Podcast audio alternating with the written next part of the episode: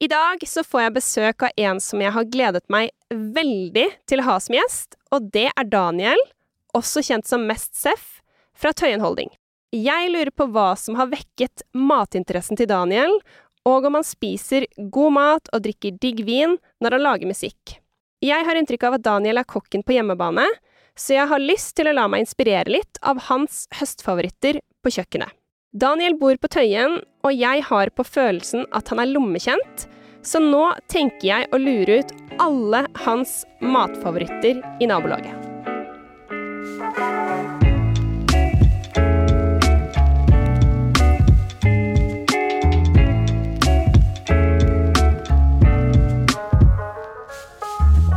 Velkommen, Daniel Jalev Steinseth, eller Mest Seff.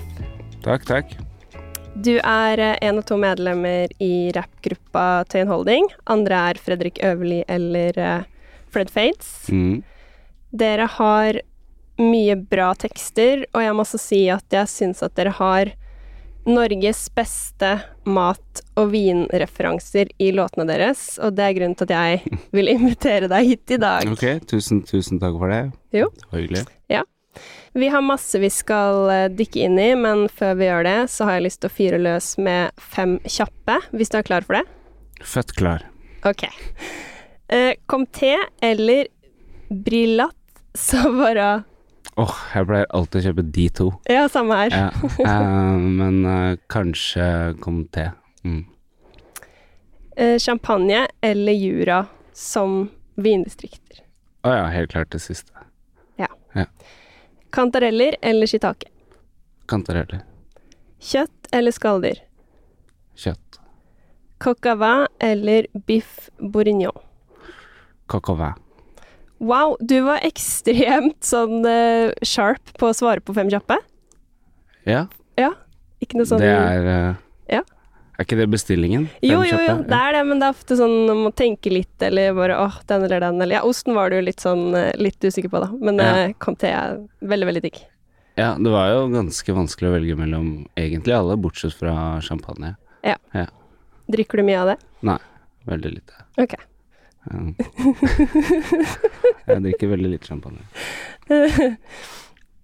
Men hvis vi begynner litt, eh, holdt på å si, på begynnelsen. Du, du rapper eh, med Fred Fades, men du Mm. jobber Daghjemmet din er lærer, Mm, og du har vokst opp på Lambertseter i Oslo. stemmer. Hva slags mat er du vokst opp med? Um, jeg har vokst opp med husmannskost, helsekost og etiopisk Ja, husmannskost, egentlig. Mm. Ok, grei blanding av uh, litt forskjellig der. Ja, jeg vokste opp med liksom en mor som var veldig flink til å lage mat. Lagde alltid mat fra bånn, og liksom alltid åpna bare skapene, og så så hva som var der, og så satte det sammen til et ja, sunt og ja, velsmakende måltid. Uh, jeg savna litt i barndommen at vi liksom aldri spiste noen retter, på en måte. Det var liksom alltid mammas ditt eller mammas datt, på en måte. Okay. Det var sånn, så jeg husker jeg liksom ofte ønska meg sånn Kan vi ha carbonara? Fordi det hadde et navn, på en måte. Så jeg følte at vi liksom kanskje spiste litt rar mat, da, sånn sett. I hvert fall når det kom inn sånn helsekostinnslag og sånn rødbetkaker og ting som folk ofte ikke har hørt om. Ehm, og så spiste jeg veldig mye sånn husmannskost fra mormoren min, for jeg liksom har slekt i Valdres, som er liksom Innlandet, og jeg har en stefar som har jakta, så er det sånn litt vilt, og vokst opp litt med sånne type smaker. Eh, og så injera på pappas side, som liksom er et, ja, det man spiser i Etiopia, basically. Som også er veldig variert, men um, det er liksom sju dager i uka, omtrent. Mm. Ok, Det er faktisk gøy at du sier selv at du savnet at rettene hadde et navn, for jeg skulle si ja, hva slags, hva slags retter er helsekost, eksempel. Men det høres ut som du har hatt uh, veldig variert, da, og veldig mye forskjellig. Ja. Um, ja, ikke sant. Da blir det mye form uh, med grønnsaker, en type protein oppi, kanskje noe ost på toppen, altså sånne type måltider. Eh, jeg har sånn veldig mange sånne ma... Hva sa du? Taco og pizza og den type ting. Ja, det også. Altså, jeg har veldig sånn gode minner fra mat fra liksom 90-tallet, tidlig 2000-tallet. Um, eh, fikk veldig tidlig matinteresse. Så ja, alt fra liksom jeg, Da jeg var ti år, så ønska jeg å spise snegler. Det var liksom det jeg ville spise på bursdagen min. Liksom. Sånn, jeg, skal, jeg skal smake på snegler. Det er veldig Eh, tidlig. Eh, ja, det var veldig tidlig for snegler. Tiåring. Ja. Men det er sånn story i familien, på en måte. Fikk du det, da? Ja, jeg fikk det. Oi, Med hvitløk, eller? Ja, det var mye hvitløk på de. Det var på en restaurant som heter Mamma Leone i Torgata. Ok. Ja. Jeg vet ikke om det eksisterer ennå. Nei, Nei. definitivt ikke. Nei. Nei. Det var sikkert lagt ned rundt 2000. Ja. Så det var tidlig. Um, jeg har masse matminner fra mormor som lager sånn, ja, som sagt, litt sånn Valdres-type mat. Sånn benløse fugler, kjøttkaker, medisterkaker, sånn type ting. Veldig glad i det. Fisk. Uh, ørret. Mm. Jeg syns det er veldig interessant at du ville ha de sneglene da, Mm. du var, eh, var ti år, for du sier at eh, matinteressen din ble vekket tidlig. Snegler er jo litt sånn next level, på en måte, så hvordan er det du fikk den ekstra interessen allerede så tidlig? Var det liksom fra foreldrene dine, eller var det noen andre Jeg tror jeg liksom fikk tilgang til kjøkkenet tidlig av mamma og fikk prøve meg og sånn, så til elleveårsdagen min så fikk jeg en Jamie Oliver-bok som het The Naked Chef. Jeg tror det var kanskje hans første bok. Og da var han liksom kul Ja, ja. fyr med hawaiiskjorter, sånn lesba og lagde liksom rock'n'roll-mat, liksom. Da begynte jeg å lage noen av de oppskriftene, og det tror jeg kanskje var liksom at jeg var hypp på å lage matretter, og ikke bare liksom eh, god mat på bordet, liksom.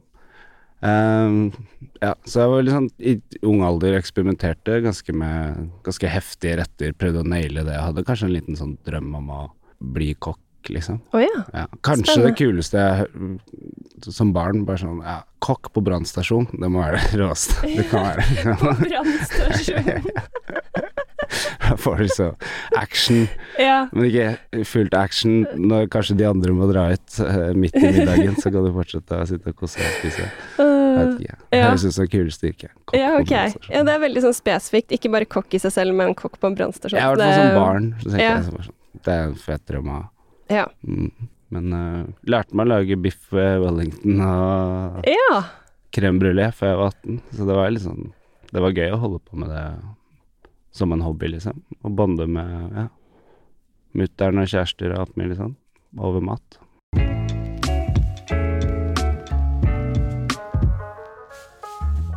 Den matinteressen som, som du har, og som Fredrik åpenbart eh, også har, og ikke minst vininteressen, den er jo veldig synlig i tekstene til Tøyen Holding. Mm. Um, der er det mye referanser med hva skal man si, alt fra nybakt brød med ha på til veldig spesifikke vinprodusenter og årstall. Bruk av ord som umami og Nugatti for å beskrive damer. De referansene, var det fra deres side planlagt og en viktig del for dere at skulle være synlig i deres tekster helt fra begynnelsen, eller har det bare blitt sånn fordi dere er så interessert i mat? Mm, ja, jeg, jeg, selvfølgelig. Jeg tror det har jo åpenbart mest med vår generelle interesse for det. Og at man tar med det inn i det vi gjør, på en måte. Absolutt. Eh, så funker det veldig godt i metaforbruk også, og i sammenligninger og liksom Det er veldig lett å assosiere ting med mat. Um, ordspill og sånn funker ofte med mat.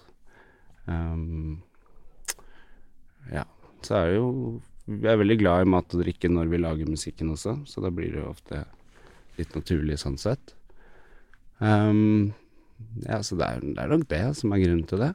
Um, ja, så er det jo mat, mat og drikke kan også brukes som et statussymbol også, og det er jo I rappen så har det jo alltid vært liksom Drikka har jo i hvert fall alltid vært veldig essensielt, og så har kanskje mat blitt enda større de senere åra, liksom. Ja. Noen ganger så kan jo liksom maten være hele poenget med det vi prøver å si, at det ikke nødvendigvis er en metafor, men at liksom vi snakker om det fordi det er digg. Ja. Litt det, sånn, det bør andre gjøre, eller for å bruke det som en som en sånn øh, virkemiddel i rap, da, for å liksom skille oss fra de andre. Sånn Jeg er kul, du er ikke kul, basert på jeg spiser det som er kult, du spiser det som ikke er kult, som er superbanalt, men også underholdende. Mm. Du nevnte at uh, dere pleier å spise og drikke god mat når dere lager musikk også. Det var jeg Mm. faktisk veldig nysgjerrig på. Hva er det dere pleier å spise og drikke da? og Hvordan ser liksom en sånn Hmm. ettermiddag ut, da? Når dere skal lage musikk? Mm, nei, det er litt sånn på dagsformen, eller kanskje man snakker om det opp mot liksom Hvis vi vet at vi skal bruke en helg på å spille inn noe eller sånn, så kanskje vi utveksler noen eh, ønsker, men stort sett så er det liksom Det er alltid noe ost kjøpt inn, det er alltid, alltid mandler, alltid Eller ofte skinker og terriner, rillett, liksom sånne type ting med litt godt brød som du tiden Du bare kan snakke på i mange timer, liksom. det er vanlig, og så kommer det litt an på. Noen ganger så kanskje man har eh, mest tid Eller bare lyst til å bare jobbe mest mulig, og da kan man jo fort bare bestille noe mat, og så er det alltid god drikke til, som eh, Fredrik står for. Så det er jo absolutt en veldig viktig del av det, men eh, ja. Det er vel stort sett speket mat, ost. Eh, eller mat vi bestiller. Kanskje noe som kan stå og lage seg selv litt i bakgrunnen mens vi gjør andre ting. Ja. Mm. Hvor er det du pleier å handle ost og skinker og sånn i Oslo? Mm, nei Eller har du noen sånn faste steder? Favoritter? Det kommer litt an på liksom, hvor jeg beveger meg gjennom uka, men jeg bor jo ganske nærme Løkka, så fort innom Mathallen, eh, Gutta, Galopin mm, Ja, hva heter det Osteria Hva heter den der lille ostebutikken i Ja, oppe ved Birkelunden? Ja, ikke sant. Ja. Stemmer. Hvis jeg er forbi sånne steder, liksom. Uh, ellers så jobber jeg ganske nærme Strøm Larsen, så jeg kan jo fort være innom der hvis jeg ikke er på Anis. Mye. Stort sett så handler jeg jo på Rema 1000 meny, som alle andre. Ja, ja. Men altså, den eh, mat, eller kaviar i hvert fall, vindruer, vinflasker, det er jo en del av uh, merchen deres også. Mm. Uh, lager dere den selv? Eller Mm. designer? Ja. Mm. Tegner all merchen selv. Um, jeg gjør mye av det forarbeidet. Kommer på litt ideer, tegner ideene. Um, sender det fram og tilbake til Fred. Han har ønsker. Eh, han er veldig god på også det, fonter, tekst, altså sånne ting som ikke jeg er nødvendigvis så glad i å tegne. Um, så det har vi alltid gjort, fra første duragen vi lagde i 2016, liksom. Ja.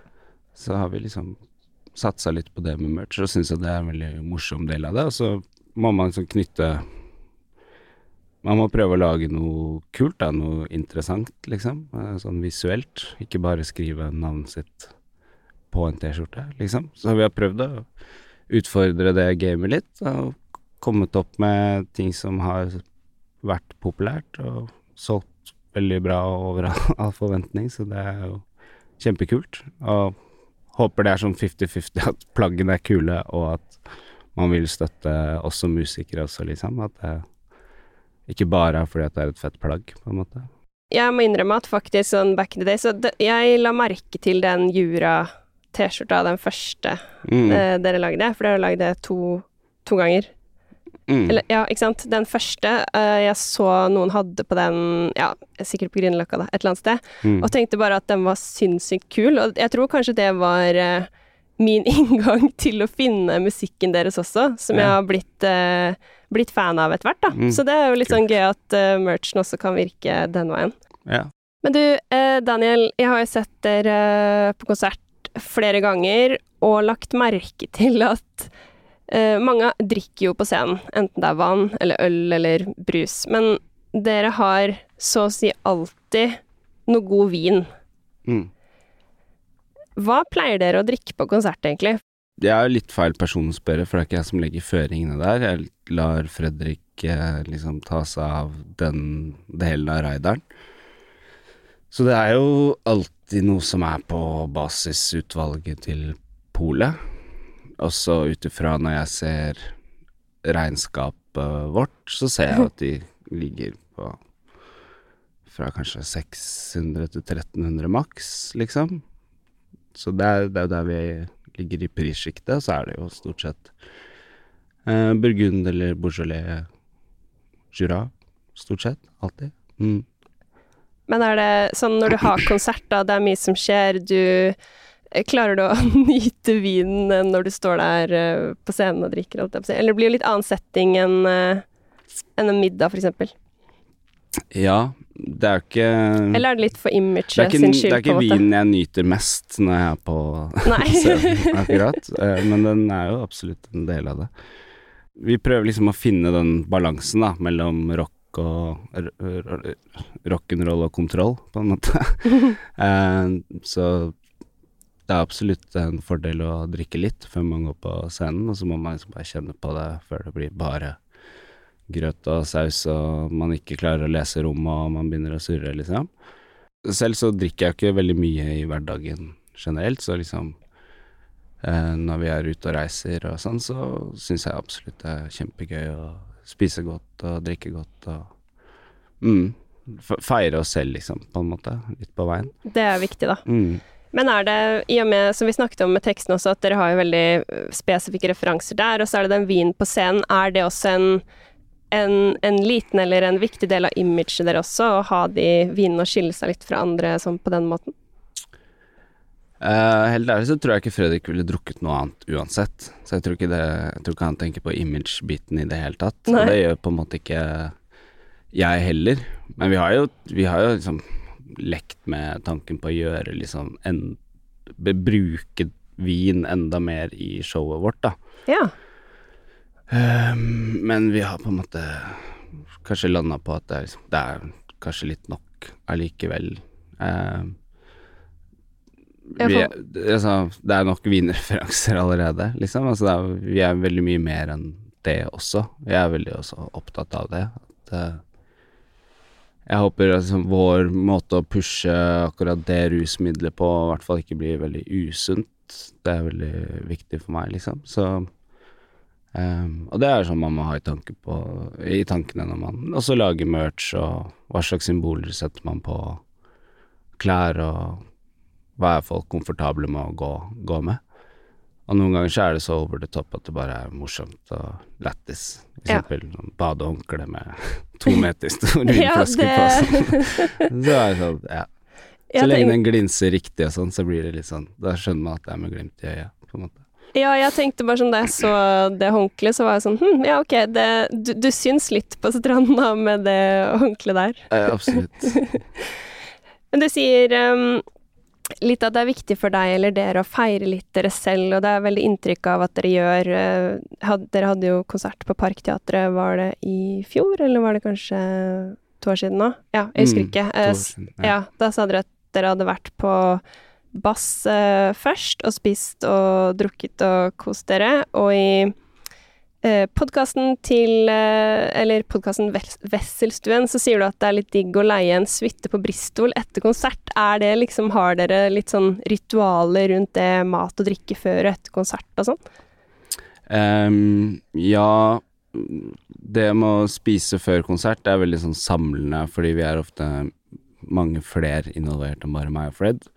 Det er flere musikere, og det er gjesteartister, og det er veldig hyggelig å bruke overskuddet på det også, i og med at det er et overskuddsprosjekt, så skal liksom det føles på Det skal alle føle litt på, liksom, og da er det fint å ja, bryte brød sammen og spise både før og etter. Så det, det er et slags ritual, absolutt. Kommer litt an på hva slags type gig og konsert det er. Ehm, ja, så Og det blir jo en slags feiring i det. Ehm, jeg feirer jo på en måte ikke nødvendigvis på Bristol, men livet mitt er veldig sånn kontrastfylt. Um, når jeg driver med musikk, så er jeg på en måte liksom um, i en helt annen sone enn når jeg er i jobb og pappa er hjemme og sånn, så eh, da er det greit å ta seg en uh, natt eh, på Bristol eh, etter man har spilt konsert, bare for å liksom lande litt mykere enn uh, ja, enn liksom i, på Sløydsalen klokka åtte om morgenen med masse ungdommer, på en måte. Ja. Uh, rett, altså 48 timer etter jeg har gått av Rockefeller, liksom. Så det er bare for å prøve å liksom være litt i den uh, ja, illusjonen om den rap-personaen som man ønsker Mest å Seff, liksom, leve liksom. seg inn Ja. Mm. Ja, men det skjønner jeg, da. For det er jo Da varer kanskje den følelsen litt lenger, og når du ikke driver med dette på heltid, så blir det jo litt det å makse de, eh, de stundene, kanskje, da. Ja, absolutt. Og så bestille seg turer og opplevelser og gjøre ting som blir til tekst og musikk igjen, da. Men det kan man jo spe utover året ellers også. Mm. Eh, men man er jeg ja, jobber jo fullt ved siden av musikk, så det blir jo Ja, man blir jo avhengig av de små lommene til å kose seg, liksom. Absolutt. Mm. Det er veldig viktig. Men er det noen faste steder dere pleier å spise på før konsert, eller? Mm, nei, fast Jo, altså i Trondheim så spiser, spiser vi alltid på spontan. Det er bra. Ja. Ja. Eh, jeg vet ikke hvorfor det har blitt sånn, men det har alltid vært veldig hyggelig Bra vindkart også. veldig bra vindkart, og ofte ganske nærme venuen vi spiller på, eller hotellet. Eh, chill stemning der. Um, så der pleier vi alltid å være. Um, I Bergen er vi alt, sover vi stort sett på Bergen Børs, alltid. Ja. Så der har du det kammer... Hva heter det? Kammerkontoret? Nei. Sånn vin, vinbar innerst der, som har veldig bra vinkart, som vi har vært på. Um, også sykt god frokost og mat og vin generelt. Uh, så det er litt fast. Eller så pleier vi liksom å droppe innom mange steder hvis vi kan det. Spise en rett der, en rett der, hoppe litt. Um, ja, så i Oslo så har det jo vært Hvis vi har spilt Rockefeller, så har det vært veldig digg å spise på Arakataka, som er liksom rett Veldig nærme, ja. veldig nærme, har god mat, god vin. Ja. Um, bass. Vi har spilt på Park. Um, men eh, ja, det er både litt tilfeldig og sånn, men det, jeg, dette er veldig viktig det, det, det er mye viktigere for Fred enn for meg, liksom, for han chaser kanskje noen viner, eller har veldig, veldig lyst til å makse ut den opplevelsen mest mulig, mens jeg liksom ja, er med på det og syns det er kult, så det er liksom han som styrer akkurat det der. Ja. Mm. Nå har vi snakket litt om det mat og drikke rundt konsert, og etterpå vil jeg selvfølgelig også spørre deg om Oslo-favorittene dine, men du var jo litt inne på at du lagde litt mat hjemme allerede i tidlig alder. Er det, er det du som er kokken hjemme nå også? Mm. Lager sikkert 90-95% av maten hjemme. Ja. Hva er spesialitetene dine? Um, spesialitetene mine nå Altså, nå lager jeg jo mat til eh, en treåring. og så lager jeg mat til samboeren min, som ja, heldigvis er veldig glad i min mat. Ja. Så jeg får ganske frie tøyler. Um, men jeg er liksom Jeg er interessert i mat på den måten at jeg har liksom prøvd å naile noen retter fra så å si hele verden. Og da kan det liksom være fra sånn donkatsu i Japan, som kan være en veldig sånn digg eh, hverdagsmat, men også føles litt sånn special helgemat, liksom. Mm. Eh, risotto, da lager jeg alltid for mye, sånn at jeg kan fritere det dagen etter og lage sånn arancini, sånn fritert risotto. Ja, ja, ja.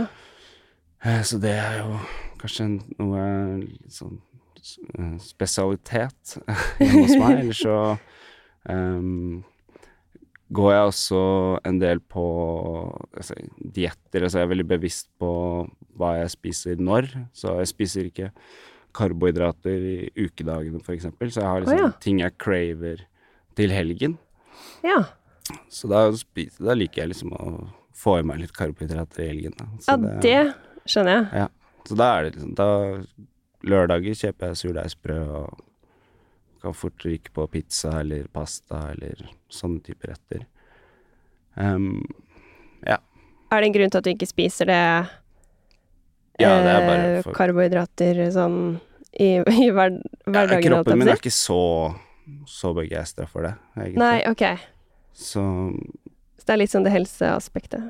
ja, egentlig. Ja. Um, det påvirker ganske mange ting, har jeg liksom oppdaga. Så da prøver jeg liksom å være ganske bevisst på det, og så Eneste måten jeg klarer å motivere meg til det ordentlig, liksom, og være streng mot meg selv, er å liksom ha cheat days ja, egentlig fra fredag kveld til søndag. Ja. Mm. Tre, da, da hjelper det liksom litt de fire andre dagene at du vet at du har tre dager med karbohydrater. Litt Ja. lettere å holde seg motivert, sikkert. Ja. Og så står jeg ikke i jobb de dagene og kan liksom styre det litt mer selv, og er så glad i mat at jeg må liksom Ja, fy søren. Kan ikke liksom eh, sette det til side. Nei, altså jeg har noen ganger tenkt sånn hvis jeg måtte av en eller annen grunn gå på sånn lavkarbo da, Mm. eh, over lang, lang periode, altså Mm. mer enn fire dager, det hadde vært sånn et, et mareritt, rett og slett. Ja, For jeg meg, har gjort det. Jeg har gjort helt cold turkey også. Ja, det har det også. Ja. Men um, jeg, jeg syns også det funker bedre sånn når man stopper med det, hvis man gjør det for vektnedgang, så går man ofte litt sånn fortere opp igjen. Men hvis kroppen er liksom vant til at det faktisk svinger litt, det matinntaket, så har jeg opplevd at liksom det kanskje funker bedre. Ja. Mm. Men det er jo um, Det høres ut som du har litt sånn skille mellom hverdag og helg, da. Hva er det du syns er skikkelig digg å lage til helgen, eller å spise i helgen, utenom surdeigsbrød, da, som du allerede har nevnt? Mm, nei, altså hvis jeg skal være hjemme nå som det er høst og sånn, så er jeg jo veldig glad i gryter og sånn. Du nevnte jo to i topp fem allerede. Ja. Eh, eller fem kjappe. Eh, så jeg er glad i det. Jeg er glad i liksom, ja, ting som er bressert. Eh, både ja, stort sett av rødt kjøtt. Nå som det er høst, alt mulig av lam. Jeg er veldig glad i lam. Eh, glad i ja, nå den helgen her så var jeg på tur i skauen. Da lagde vi kebab i, på liksom primus og, og sånn. Men hadde gjort mye av forarbeidet hjemme, da. Så det var liksom Bare å få litt sånn åpen flamme på det, så ble det veldig digg. Ja, hva har du i den kebaben? Um, det er egentlig. Ja, den er litt sånn Katla-inspirert, egentlig. Så det er liksom kål og vårløk og litt koriander, og så har jeg en kebabsaus som jeg har ja, perfeksjonert meg litt fram til. Eh, så egentlig bare det. Og så lammebog, som jeg har i ovnen ganske lenge, med masse krydder, så det blir veldig mørkt. Og så skjærer opp det og har det med i skauen. Så går det veldig kjapt å lage en kebab med noe libabrød eller pitabrød eller pinnebrød eller et eller annet. Det hørtes skikkelig godt ut. Mm, Og den, Anbefaler det. Ja, fy søren. Ja. Synd at du ikke deler oppskrifter på Instagram. Men det går an å google seg litt fram, da, ut fra ingrediensene du nevnte der. Men det hørtes ut som en utrolig god eh, kombo. Ja, nei, kebab i skauen er like bra som i bind. Ja, ja og med perfeksjonert kebabsaus. For jeg syns noen kebabsauser kan bli litt sånn mye, men er noe, den er sikkert også veldig god. Mm, Litt annerledes hjemmelagd. Mm. Så digg. mm. Nå er det jo også sesong for Montour, da. Er det noe du er glad i? Eh, ja. Det har blitt litt sånn juletradisjon, egentlig, å ha en Montour, Men eh, Hvilken dag i jula da? eh, det, det er i romjula, stort sett når jeg er hos mutter'n, så pleier jeg alltid å ha med litt oster og litt vin. Um, så jeg, jeg er glad i den. uh, men stort sett, liksom, hvis det bare er meg og samboeren min, så er den er jo ehm, Ja, du får jo kanskje litt mindre varianter også, men det, den er ganske mektig og heftig ost. Veldig. men den er, den er absolutt veldig god. Så det blir nok en, en eller to i året, altså. Ja. Mm. Hva har du til, da? Nei, stort sett så bare heller jeg litt uh, vinjan over. Stapper oppi noe hvitløk, liksom, og så noe godt surdeigsbrød som man kan dyppe oppi. Ikke noe Ikke noe mer fancy enn det.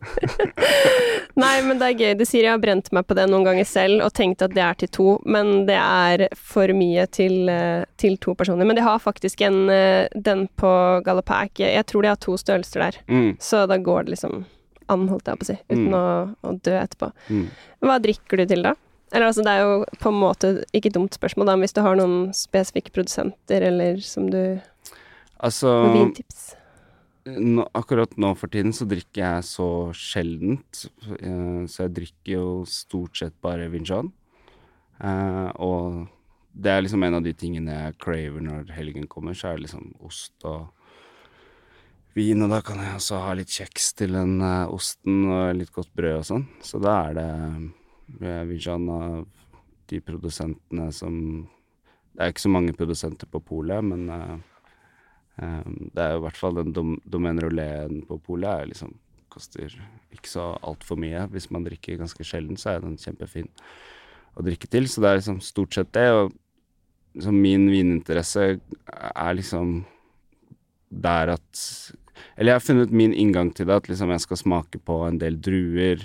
Jeg er fortsatt liksom i egentlig de tre samme distriktene som eh, vi alltid rapper om, på en måte, og så um, prøve å liksom finne ut hva jeg liker gjennom det. Um, men smakeren min er jo selvfølgelig på produsenter og ranker og år og liksom sånne ting som er på et helt annet nivå enn meg, da. Så jeg vet at jeg liker stort sett alle vinjaner og syns at det er gøy å smake litt i nyansene der. Og da er liksom eh, Savagna blitt en av mine favorittdruer. Kanskje den jeg drikker mest, da. Eh, Men ellers Chardonnay Også de der eh, variantene som ligner litt, som også er ganske rimelige. De tradition-vinene fra Jura, som Savagna og Chardonnay. Um, det er liksom det jeg pleier å kose meg mest med, egentlig. Mm. Mye digg, det. Så du er ikke Du må ikke ha bare vin over 92 poeng. Nei, absolutt ikke. Nei, det er jo Ja.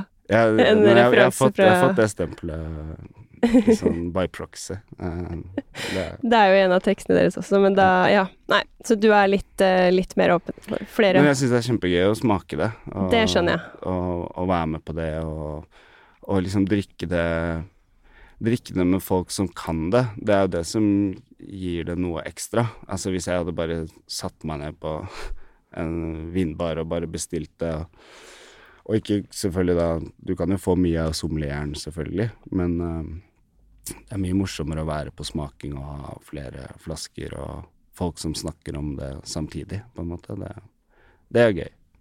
Mm.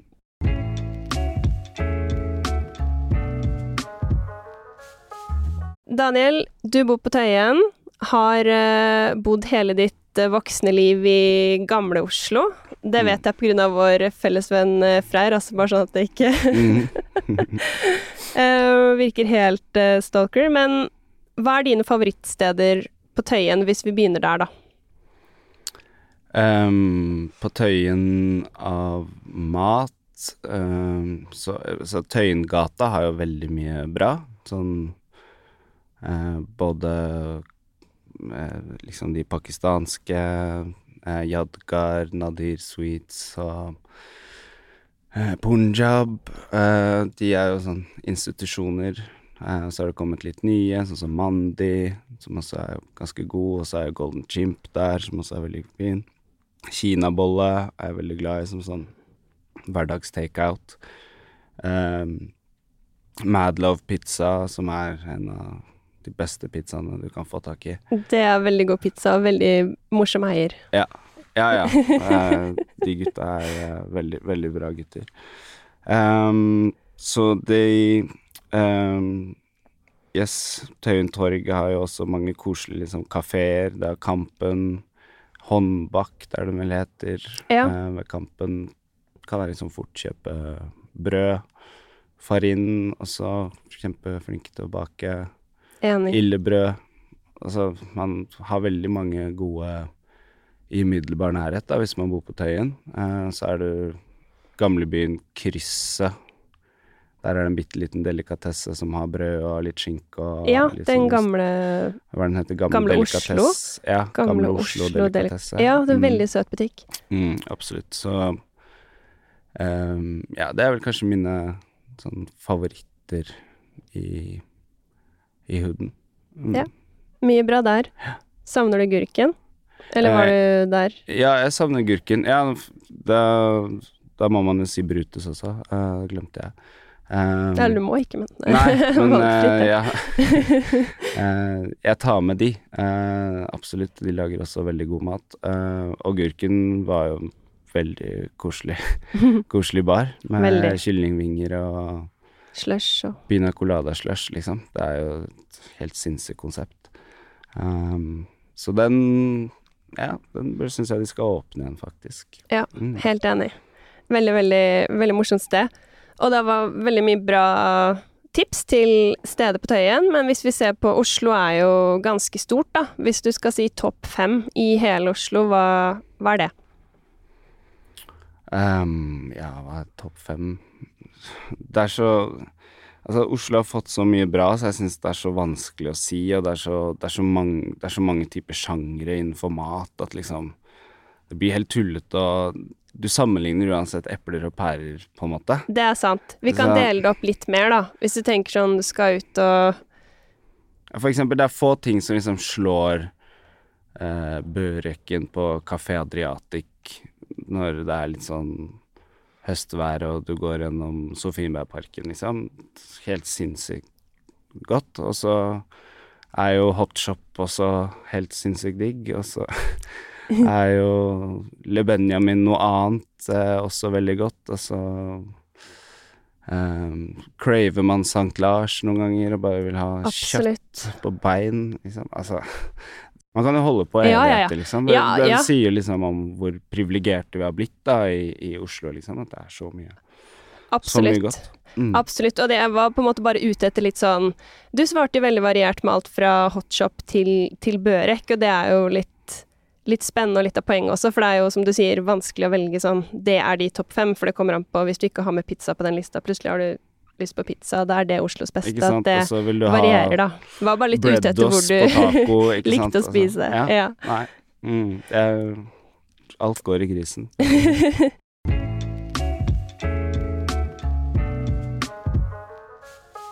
Vi nærmer oss slutten og har vært innom uh, mye, men likevel så lurer jeg jo litt på hva som Eller om du har et matminne som står litt ekstra ut, Mm. som du har lyst til å dele. Ehm, et matminne som var veldig, veldig fint for meg, var i 2019 så var jeg i Etiopia. Og da bodde jeg eh, hjemme hos tanta mi store deler av det oppholdet. Så spiste jeg jo mye av hennes mat og sånn. Og en eh, kveld så hadde hun lagd sånn veldig stort bål i bakgården. Og så kommer hun ut med en sånn, veld, en sånn kjempelang sabel. Sånn, ser ut som en Kaptein Oi. Sabeltann-sabel, liksom. Og så har hun et stort kjøttstykke og en fjøl, altså en litt mindre kniv. og så tar hun og så liksom samler alle rundt eh, bålet, og så skjærer hun opp den bi- biff Det er en slags biff, da, det kjøttstykket, til én lang strimmel. Så liksom hun vender på den og passer på at liksom hun ikke kutter av hele biten. Men det blir til slutt én lang strimmel som hun da legger pent over sverdet. Litt sånn opp og ned, opp og ned, opp og ned. Og så stikker hun bare det sverdet eh, inn i bålet, liksom. Og dama er jo sikkert Ja, hvor gammel er hun? Rundt 70 år, da, liksom.